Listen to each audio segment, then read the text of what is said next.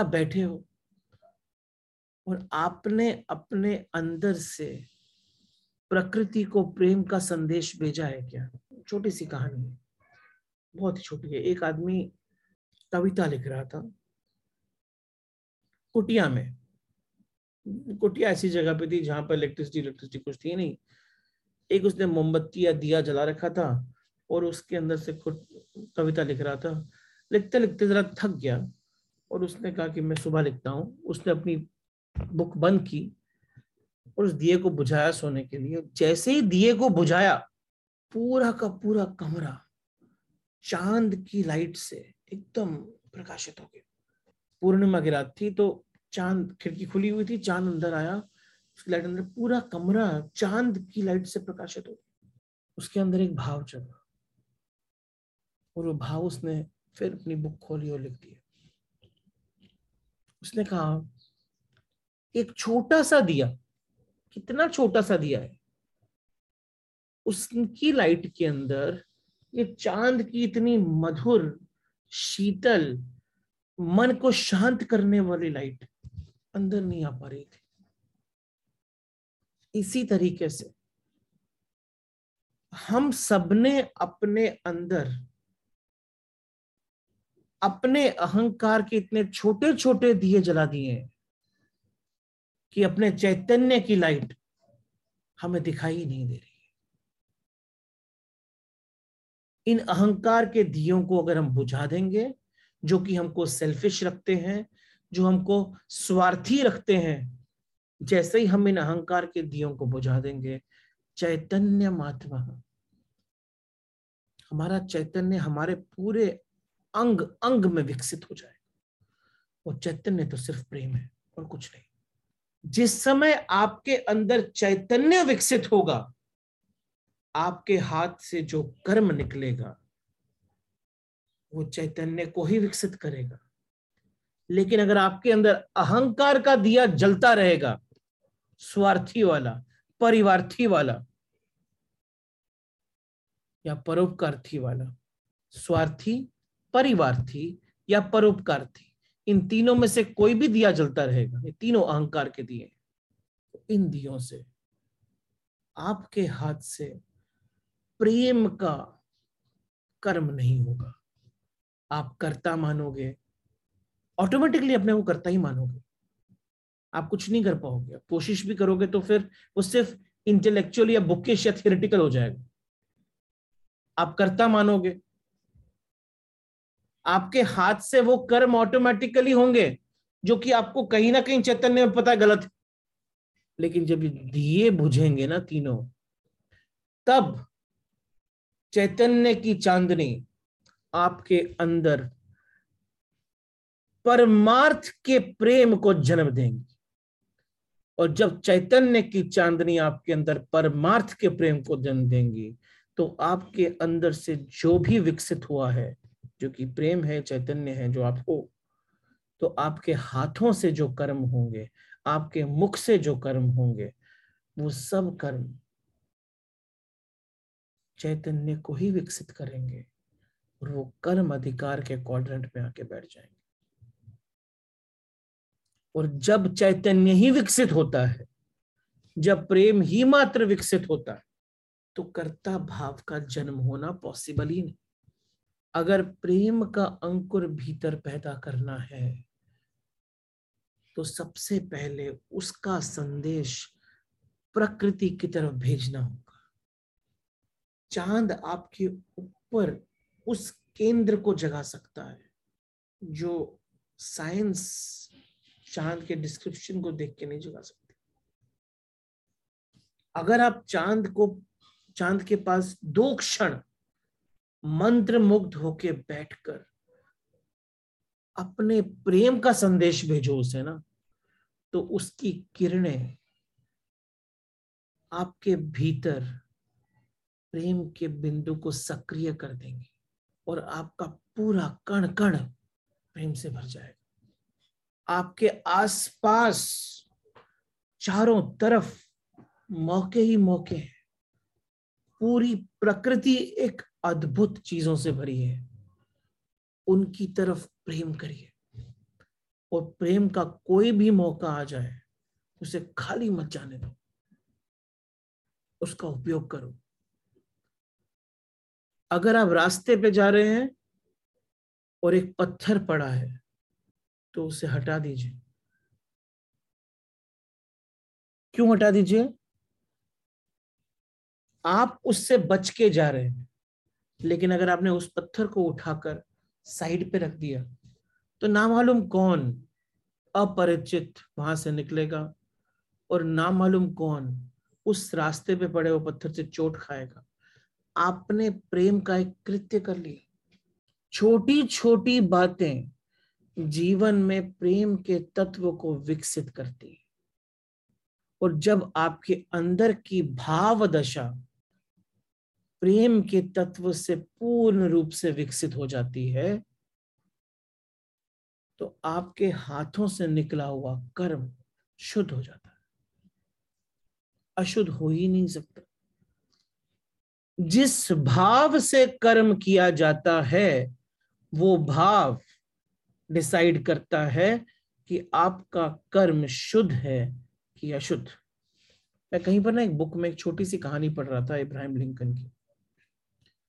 Ibrahim Lincoln एक meeting में होंगे और सडनली उन्होंने देखा कि एक एक पिग नाली में फंस गया है। अब वो मीटिंग शायद खुले, वो उसमें हो रही होगी पार्क के अंदर तो उनको वहाँ से नज़र आएगी, बाहर एक पिग नाली में फंस गया है। इब्राहिम लिंकन की बात कर रहा हूँ। तो उन्होंने कहा कि थोक मिनट रुकना, मैं आता हूँ। वो गए, उन्होंने उस पिक को बाहर निकाला और सारे कपड़े वपड़े भी गंदे हो गए। लेकिन निकाल के वापस अंदर आए। तो लोगों ने पूछा, क्या हुआ? आप इतने घबराए हुए, काम रोककर कहा चले गए? तो उन्होंने कहा कि एक प्राण संकट में था, उसे बचाने गया ना ये प्रेम का कितना सरल सा कृत्य है। लेकिन कितना अद्भुत है। और ये छोटी छोटी बातें छोटी छोटी बातें आपके अंदर प्रेम की दशा को विकसित करती है। आपके छोटे छोटे कर्म आपके संस्कार बनाते हैं। और जब उन संस्कारों का जन्म होता है, वो विकसित होते हैं तो आपके हाथ में एक बड़ी से बड़ी आपत्ति आए। तो उन संस्कारों से उनका जन्म होता है, भार की दशा से। आप उसका डिसीज़न नहीं लेते, आपके अंदर के निर्णय आपके संस्कारों से आते हैं। वो संस्कार बाहर की दशा के कारण बने हैं कि अंदर के विकास के कारण बने हैं। वो आप पे डिपेंड करता कर्मणे वाधिकारस्ते माँ फलेशु कदाचन। अब देखो, इस लाइन का मीनिंग बदल रहा होगा। जैसे मैंने बात की, इस लाइन का मीनिंग बदल रहा होगा। आपका सिर्फ़ आपके कर्म पर अधिकार है। फल आपके हाथ में नहीं है, वो तो समिष्ट के हाथ में। सिर्फ़ कर्म तुमसे बहता है। देखो, कर्म तुमसे बहता है। कैसे बहता है? क्योंकि अंदर भाव है, उस भाव के भाव को कर्म बोलते हैं। आपके अंदर के भाव के भाव को कर्म बोलते हैं। अब अंदर का भाव कैसे बना है? झूठी किसी और की बनाई हुई दशाओं से बना है कि स्वयं के अनुभव से की हुई वृत्तियों से बना है। आप जितने भी टॉप मोस्ट लीडर्स देख लो पॉलिटिशियंस देख लो बिजनेसमैन देख लो, किसी को भी देख लो। उनके जीवन में जाइए। उनके जीवन में प्रेम के छोटे छोटे कृत्य आपको दिखेंगे।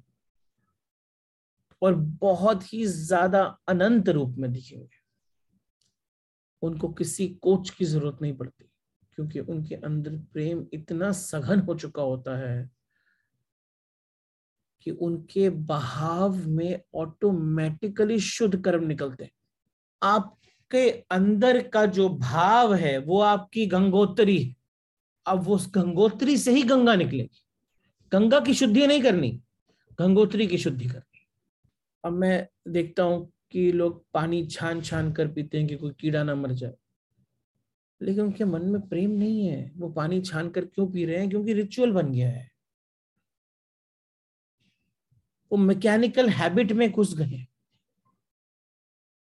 यहीं पर वो बात वापस आएगी कि आचरण आचरण बदलने से अनुभव नहीं होता।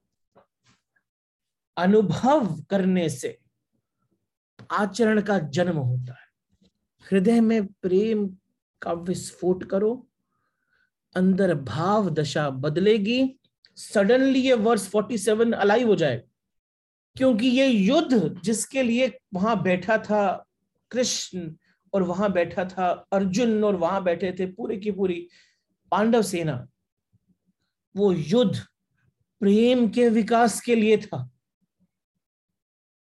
अनफॉर्चुनेटली युद्ध था। लेकिन उसका आधार प्रेम का विकास था। वो तो उसके सामने प्रेजेंट हो गया था ना। अभी हम प्रेम का विकास करते करते करते करते करते करते ऐसी अवस्थिति में आ गए जहाँ युद्ध करना पड़ता तो युद्ध से भागोगे तो आप क्या बोल रहे हो कि प्रेम का विकास रोक दो?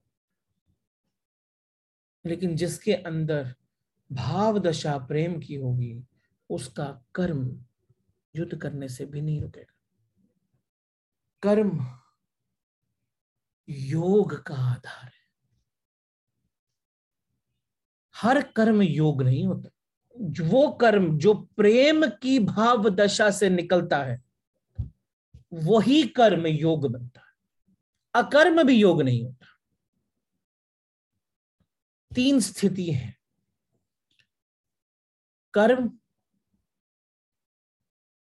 जो मैंने किया हो as a service to lord ईश्वर को समर्पित किया हुआ कर्म। वो पहला है। दूसरा कर्म, वो कर्म जो मैंने किया हो अपनी इच्छाओं की पूर्ति के लिए। वो कृत्य जो भोग के कारण जन्म हुआ है। और तीसरा है अकर्म लेजीनेस सोना, बंद कमर में बैठ जाना, कुछ भी नहीं करना। ये तीन कर्म है। मैं वापस से उल्टी तरीके से बोलता आपके कर्म के तीन भाग हैं। किसी भी कर्म के तीन स्थल होते हैं। पहला है अकर्मिणी। दूसरा है कर्म और तीसरा है कर्मयोग। ये है तामसिक स्थिति। ये है राजसिक स्थिति और ये है सात्विक स्थिति। तामसिक स्थिति के अंदर अकर्मणी मतलब कुछ भी नहीं किया, छोड़ दिया काम। जैसे कि अर्जुन बोल रहा है, मैं भाग जाता हूँ ना। क्यों भाग जाता हूँ? बाहर कुछ ऐसी परिस्थिति आ गई कि मुझे तो मेरे भाई बंधु दिख रहे हैं मैं इस कर्म को छोड़ के भाग जाता हूँ। पहली ये तामसिक है। इसका रिज़ल्ट क्या होगा? तमस, इसका रिज़ल्ट होगा मृत्यु, इसका रिज़ल्ट होगा अंधकार, इसका रिज़ल्ट होगा आपके अंदर सिर्फ़ और सिर्फ़ शत्रुता जन्म लेगी। अंधकार जन्म लेगा, अज्ञान जन्म लेगा। और एक बार वो शुरू हुआ ना, वो रुकता नहीं, उसको निकालना डिफ़िकल्ट हो जाता कई लोगों के लिए आराम काम बन जाता क्योंकि आराम करने की इतनी आदत हो जाती है कि उसको छोड़ना डिफ़िकल्ट है। जैसे ही अंधकार अंदर लिया, वो पूरा विकसित हो जाता है। अपने कर्म से भागना, क्यों? क्यों भागते हैं लोग? वो भी समझाता हूँ मैं आपको। ये कर्म योग का आधार है, ये ये ये मंत्र, ये श्लोक। भागते क्यों? वो बाद में बताता हूँ। पहले समझिए कि तीसरी स्थिति है जब मैं काम छोड़ देता मुझे कुछ करना ही नहीं। अब उसका कारण कुछ भी हो सकता है। एक कारण है कि बाहर की परिस्थिति ऐसी है जो कि मेरे को पसंद नहीं है। किसी ने मुझे कुछ बोल दिया है और अब मैं चुपचाप करके बैठ गया। जब तक बाहर की दशा परिवर्तित नहीं होगी, मेरे अंदर मूवमेंट नहीं आएगी। मैं अपने कर्म से भाग गया। क्यों भागा?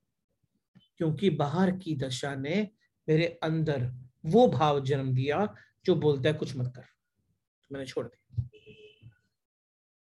दूसरी स्थिति, राजसिक। जहाँ पर मैं कर्म इच्छाओं की पूर्ति के लिए करता हूँ। किसी भी काम को कर्म कब बोलते हैं? जब वो पाँच कंडीशन सेटिस्फाई करता है। पहला done by a living body एक जीवित बॉडी को करना है। सेकंड उसके अंदर एजेंटशिप है। मैं कर रहा हूँ, ऐसी फीलिंग आनी चाहिए। हाँ मैंने किया, एजेंटशिप। कृतित्व बोलते हैं, कृतित्व उसको मेरे अंदर मैं कर रहा हूँ, ये क्लैरिटी होना चाहिए। थर्ड उसके अंदर भोक्तृत्व की वैल्यू होनी चाहिए किसके फलों को भोगूँगा। और फोर्थ मॉरल ऑब्लिगेशन मुझे पता होना चाहिए, सही क्या है, गलत क्या है। फिफ्थ इसका एक कॉस्मिक रिज़ल्ट भी आएगा। ये पाँच इंपॉर्टेंट कंडीशन है जो कर्म डिफाइन करते हैं। अब इसमें देखो, भोग और कृतित्व जब मैं डिजायर्स मेरी बाहर से हैं कि मुझे घर चाहिए, गाड़ी चाहिए ई एम आई बनना, मेरे को अच्छी लाइफ चाहिए तो आपने अपने सेंस ऑर्गन्स को सेटिस्फाई करने के लिए भोगों की वैल्यू बनाई। उस भोग से कर्म निकलेगा। ये जो कर्म निकला है, जो कि इच्छाओं के कारण निकला है, उसको राजसिक कर्म बोलते हैं। रिज़ल्ट ऑफ़ तामसिक कर्म वॉज़ कि आपके अंदर अंधकार जन्म ले लेता रिज़ल्ट ऑफ़ राजसिक कर्म रिज़ल्ट ऑफ़ राजसिक कर्म इज़ कि आपके अंदर बॉन्डेज जन्म लेती है। आप फंस जाते हो संसार में। और उसका अल्टीमेट रिज़ल्ट सफरिंग ही होता। तीसरा कर्म, जो सात्विक है, वो कर्म योग बनता है। जब कर्म as a service to lord किया जाता, शिव ज्ञाने, जीव सेवा शिव ज्ञाने जीव सेवा। शिव जाने नहीं, शिव माने नहीं, शिव ज्ञाने जीव सेवा। जब मैं हर एक मनुष्य के अंदर शिव को देखता हूँ देखता हूँ, मानता नहीं हूँ, देखता हूँ, तब मैं उसकी सेवा में अपने कर्म को अर्पित करता हूँ। शिव ज्ञाने जीव सेवा। कर्म करते करते अगर मेरा मोटिवेशन ये है कि इसमें ईश्वर है, जिसकी भी मैं सेवा, हर कर्म किसी ना किसी की सेवा के लिए, जिसकी भी मैं सेवा कर रहा हूँ, उसके अंदर ईश्वर है। जब शिव जाने, शिव ज्ञाने जीव सेवा तो ये कर्म योग बन जाता इसी को कर्म योग बोलते हैं। भक्ति योग कब बनती है? जब पूर्ण समर्पण होता है। पूर्ण समर्पण। जो मुझे दिया गया, वो प्रसाद है। कर्म योग कब बनता है? जब पूर्ण समर्पण होता है, जो मुझे दिया गया, कर्म करने के लिए, वो प्रसाद है। मुझे करना है। प्रश्न नहीं करना है। परिस्थितियाँ ऐसी हुई कि मैं आज इस सिचुएशन में हूँ कि मेरे सामने वो है जिसके साथ मुझे मेरा कर्म करना है, जो मेरे से ही बहता है, मेरे से ही निकलता है तो मुझे उस पर प्रश्न नहीं करना है, मुझे वो करना है। आज किसी डॉक्टर के सामने एक मरीज़ आ जाए, जिसको सिर्फ़ वो डॉक्टर ही ठीक कर सकता है, और जैसे ही वो सामने आता है, उसकी शक्ल देख के लगता है कि इसने तो 25 लोगों का मर्डर किया था। शिव जाने, शिव ज्ञान है, जीव सेवा। मेरे को ये कर्म करने को मिला है इस समय? मुझे करना है। क्यों मिला है? करना चाहिए कि नहीं करना चाहिए? वो क्वेश्चन करने का मेरे पास समय नहीं है। और मेरे को वो मानना भी नहीं है, मुझे वो करना है। मुझे ये कर्म करना है।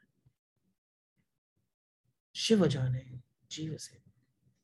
आपके अंदर से अगर प्रेम का विस्फोट होगा तो कर्मणे वाधिका रस्ते।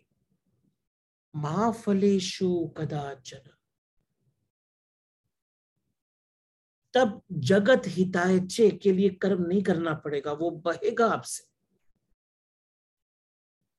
और वो जो बहाव आपसे निकलेगा,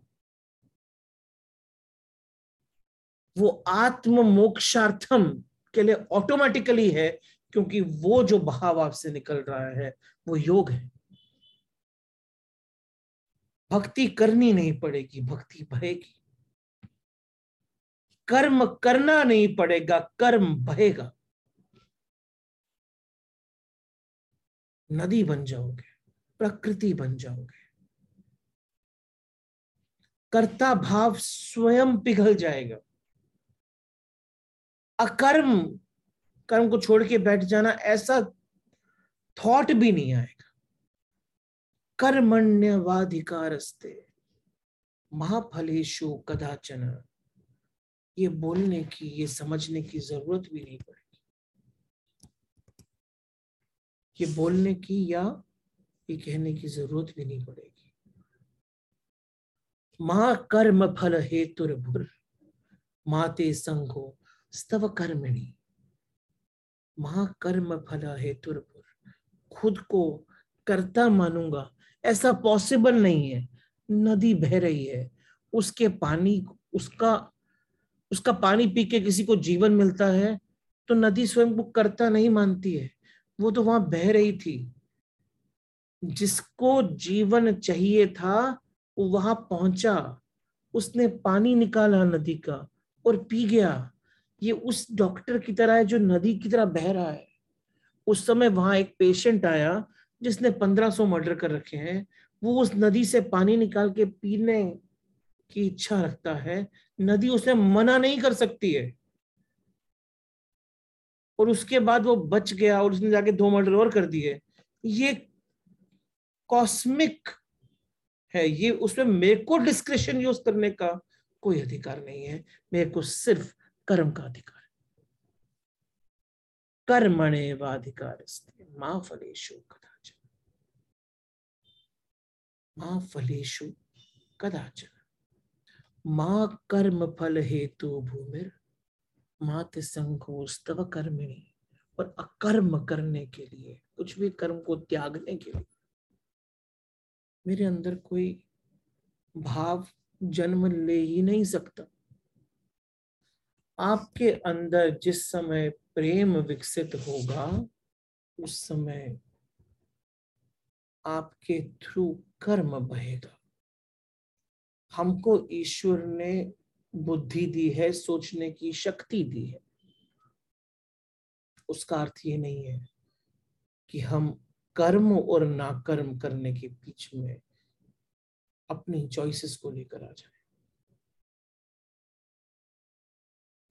चॉइसेस आ सकती हैं सिर्फ़ भाव के ऊपर, जहाँ पर आपको आपके अंदर सिर्फ़ इतना सोचना है कि मेरा भाव शुद्ध है, कि मेरा भाव अशुद्ध है। शुद्ध भाव चित्त की अवस्था है, अशुद्ध भाव चित्त की विकृति है। अशुद्ध भाव चित्त पर बाहर का परिणाम है और शुद्ध भाव चित्त पर प्रेम का विकास है, चैतन्य का विकास है। जीवन में हमको सिर्फ़ इतना विचार करना है कि मैं किन भावों से संचालित होता हूँ? मैं किन भावों से मूवमेंट करता हूँ? वो मेरे भीतर से आते हैं या दूसरे मुझमें पैदा करते हैं? मैं वापस वही एग्ज़ाम्पल देता हूँ। मैं रास्ते पे जा रहा हूँ, आप मुझे गाली देते हो, अगर मुझमें क्रोध पैदा होता है तो अशुद्ध भाव है। मैं रास्ते पे जा रहा हूँ, आप मुझे आदर देते हो मेरे अंदर प्रसन्नता पैदा होती है, वो भी अशुद्ध भाव, क्योंकि ये आपने मुझमें पैदा किया मैं रास्ते पे जा रहा था, आप गाली दें, आदर करें, प्रशंसा करें, मेरी मन मन स्थिति मेरी अवस्था वही बही बनी रहती है, जो थी। गाली देने से पहले या प्रशंसा करने से पहले वो शुद्ध भाव है, क्योंकि आपने मुझमें पैदा नहीं की है वो मेरा है। जो मेरा है, वो शुद्ध है। जो मेरा है, वो ही शुद्ध है। जो बाहर से आता है, वो अशुद्ध है। क्योंकि जो अंदर है, वो तो चैतन्य है।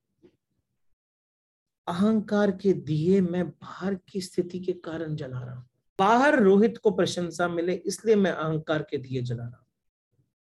अगर मैंने इसे बुझा दिया तो रोहित बुझ गया। इसी को निर्वाण बोलते निर्वाण का अर्थ होता है बुझाना। क्या बुझाया आपने? अहंकार का दिया बुझा दिया। जिस समय अहंकार का दिया बुझ गया तो रोहित बुझ गया। क्या रह गया?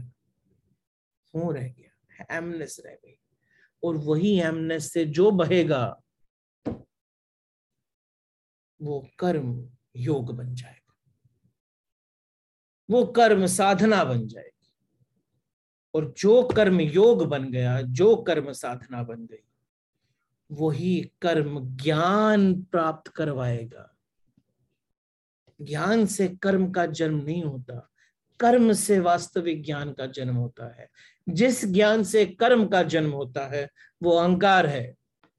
और जिस, जब कर्म से वास्तविक ज्ञान का जन्म होता है, वो चैतन्य और जिस समय ऐसा कर्म होगा, तब मैं बोल सकता हूँ, मेरा जीवन आत्म मोक्षार्थम जगत हिताय तब मैं बोल सकता हूँ कि मेरा जीवन अपने स्वयं के मोक्ष के लिए और संसार के फ़ायदे के लिए है। जब तक सब कुछ समस्त मेरे अंदर से विकसित नहीं हुआ है, जिसमें अहंकार का एक भी दिया नहीं चल रहा है, मोह का एक भी दिया नहीं चल रहा है, चाहे वो स्वार्थ हो, परिवार्थ हो, या परोपकार हो। जब तक परमार्थ का दिया, जब तक परमार्थ की चांदनी मेरे अंदर नहीं है, तब तक मेरे कर्म, मेरे दिए बताएँगे क्या करूँगा, चांदनी नहीं। और इसी भावदशा को अल्टीमेटली हमें अपने अंदर जन्म देना है। और जब ये भाव दशा अंदर जन्म लेती है तो सारी मांगे खत्म हो जाती है। अगर हम मांग करते हैं कि ऐसा हो, वैसा हो तो हम चैतन्य की ऊर्जा के विपरीत खड़े हो जाते हैं और शत्रु हो जाते हैं। जैसा ही हम कहते हैं, जो तेरी मर्ज़ी, जो हमें करना था, हमने कर लिया। अब तेरी मर्ज़ी पूरी हो। हम जगत ऊर्जा के प्रति मैत्री का भाव जन्म देते हैं। और जगत और हमारे बीच जीवन ऊर्जा और हमारे बीच परमात्मा और हमारे बीच एक ब्यूटीफुल रेजोनेंस हारमोनी एक संगीत का जन्म होता है। जब मैं बोलता हूँ कि मैंने किया, अब तेरी मर्ज़ी। तो जो करना था, मैंने कर लिया। अब तेरी मर्ज़ी पूरी हो। अब तेरी मर्ज़ी पूरी हो। जैसे ही हमने कहा कि किया भी मैंने, जो चाहता हूँ, वो भी वैसे ही हो तो हमने अपने आप को जगत के विपरीत खड़ा कर दिया। संगीत नहीं बजेगा। नॉइज़ आएगी। जीवन में सफरिंग आएगी। और जगत के विपरीत खड़े होकर सिर्फ़ निराशा निराशा निराशा यही मिलेगी। असफलता में कभी कुछ हाथ नहीं रखता। इसलिए कर्म योगी के लिए कर्म ही अधिकार है। और वो तभी फलित होता है जब अंदर मेरा भाव, सघन भाव प्रेम का है और किसी चीज़ का नहीं। फल फल प्रसाद है। जब आएगा, तब आएगा, उसकी मर्ज़ी से आएगा।